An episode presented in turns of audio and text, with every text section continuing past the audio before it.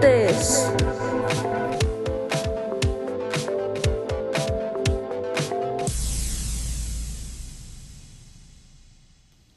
Benvidos ao noso podcast de Mentes, con el que pretendemos ser un espazo no cal mesturar voces diversas falando de mentes diversas, e no que a saúde mental vai máis alá da ficción. O tema de hoxe é a ansiedade. Para comezar, queremos aclarar que os trastornos de ansiedade atópanse entre os problemas de saúde mental máis comuns hai distintos tipos de trastornos de ansiedade que se manifestan de forma diferente e ante diferentes situacións. Hoxe queremos introducir a ansiedade xeralizada, que é o que coñecemos comumente como ansiedade.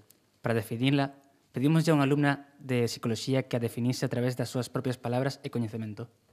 El trastorno de ansiedad generalizada cursa con un síntoma cognitivo clave que son las preocupaciones que deben ser excesivas, persistentes, incontrolables y poco justificadas acerca de cuestiones banales de la vida cotidiana y a su vez se acompaña de síntomas somáticos como pueden ser mareos, tensión muscular, fatiga, eh, taquicardia o podemos hablar también de síntomas emocionales como la irritabilidad, o el enfado. Clínicamente necesitamos una presencia también mínima de seis meses.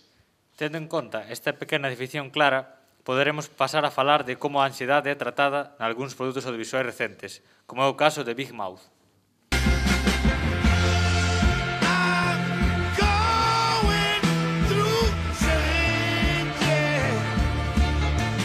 Esta serie de animación foi estreada na, na plataforma Netflix no ano 2017 A súa premisa é achegarnos as vivencias dun rapaces e rapazas no instituto, esos nomeados monstros das hormonas.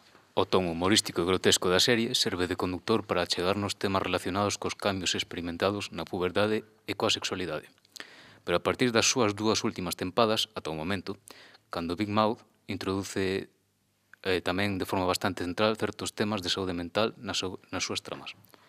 Algúns dos seus protagonistas comezan a sufrir depresión e ansiedade, Estes dous trastornos son intelixentemente representados de maneira moi visual, sabendo explotar a liberdade ofrecida pola animación a través do deseño dos personaxes cos que os identificamos. A ansiedade, concretamente, é personificada a través do personaxe de Tito, o mosquito da ansiedade. Unha escena bastante ilustrativa é a que imos escoitar a continuación. Why are there so many fucking mosquitoes? I can't breathe. I'm fucking freaking out. Oh no. Are you having a panic attack? What? Who said that? Me! I did! Oh, what the hell are you? I'm Tito, the anxiety mosquito. Anxiety mosquito? Ow! I'm sorry, people hate it when I do that. People hate it when I do everything. But do I stop? No! Oh, fuck! I'm so sorry, but I can't stop. you killed me! I get it, I'm the worst, but Hai varios aspectos que se xogan nesta escena para facer unha boa representación da ansiedade.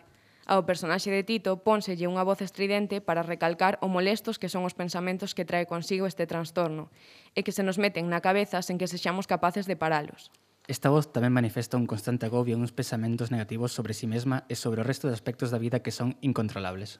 Tras este exemplo, queremos falar de outra serie que tamén amosa a ansiedade, Young Royals.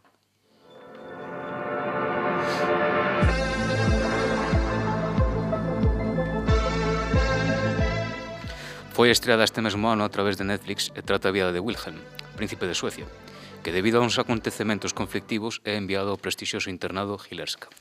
O príncipe ten que cumprir con diferentes roles e estándares de realeza, o cal é complicado para un, un adolescente. Ademais, neste proceso de autocoñecemento descubre que é gay, o cal choca co que se espera del. Estes factores e o enorme estrés que supón un cargo tan importante son o deterante da súa ansiedade, facéndolle difícil pensar e aumentando os seus temores e inquietudes.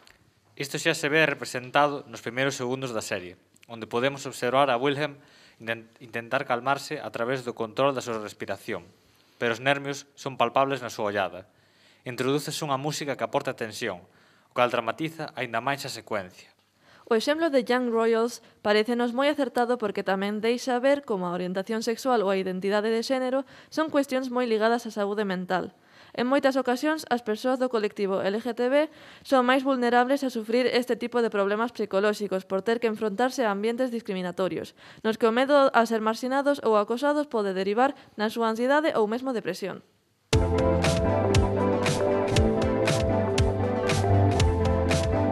Estes son soamente dous dos múltiples exemplos que podemos atopar na actualidade en series e películas, ainda que temos moito camiño por andar na visibilización destas temáticas.